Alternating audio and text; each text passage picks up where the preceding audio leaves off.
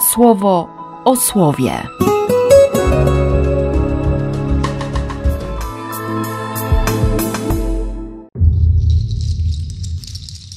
9 kwietnia, sobota.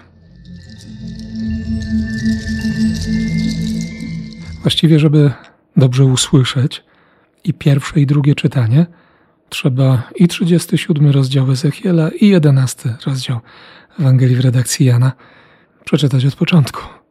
W 20 wersetach proroctwa Ezechiela mamy obraz, mamy wizję doliny pełnej wyschniętych kości.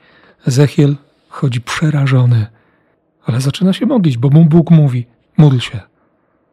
I podczas tej modlitwy kości zaczynają się łączyć ze sobą, wyrastają ścięgna, mięśnie, skóra, powstaje wojsko. Potem Ezechiel jeszcze raz się modli, o ducha tym razem, i wstępuje życie. Objawia się życie.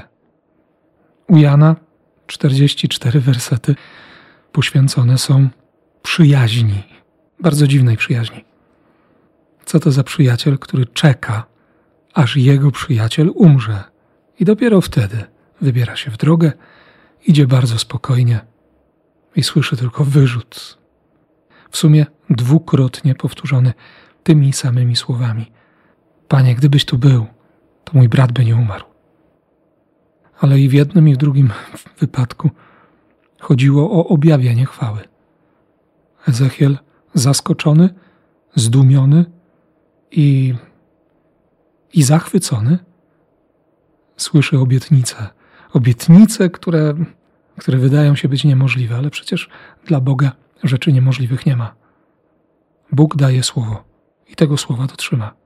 Łazarz słyszy słowo, słyszy wezwanie: wyjdź. I pomimo tego, że, że już cztery dni leży w grobie, że kompletnie nie ma siły, nie pozostaje obojętny na słowo przyjaciela nie może zostać obojętny na słowo Boga. Wychodzi. Ewangelista Jan zaznaczy, że, że ludziom się wtedy, wielu ludziom, wielu Żydom otwarły się wtedy oczy i, i uwierzyli w Jezusa. Reakcja władz? Oczywista. Stracimy wszystko. Stracimy świątynię, zginiemy jako naród. Trzeba się pozbyć tego człowieka. Lepiej, żeby jeden. Lepiej, żeby jeden. No nie minie 40 lat, a i tak stracą świątynię. Naród się rozproszy i, i będzie co będzie, nie? Ale na ten moment wypowiedział proroctwo i Jan bardzo mocno to, bardzo konkretnie to skomentuje.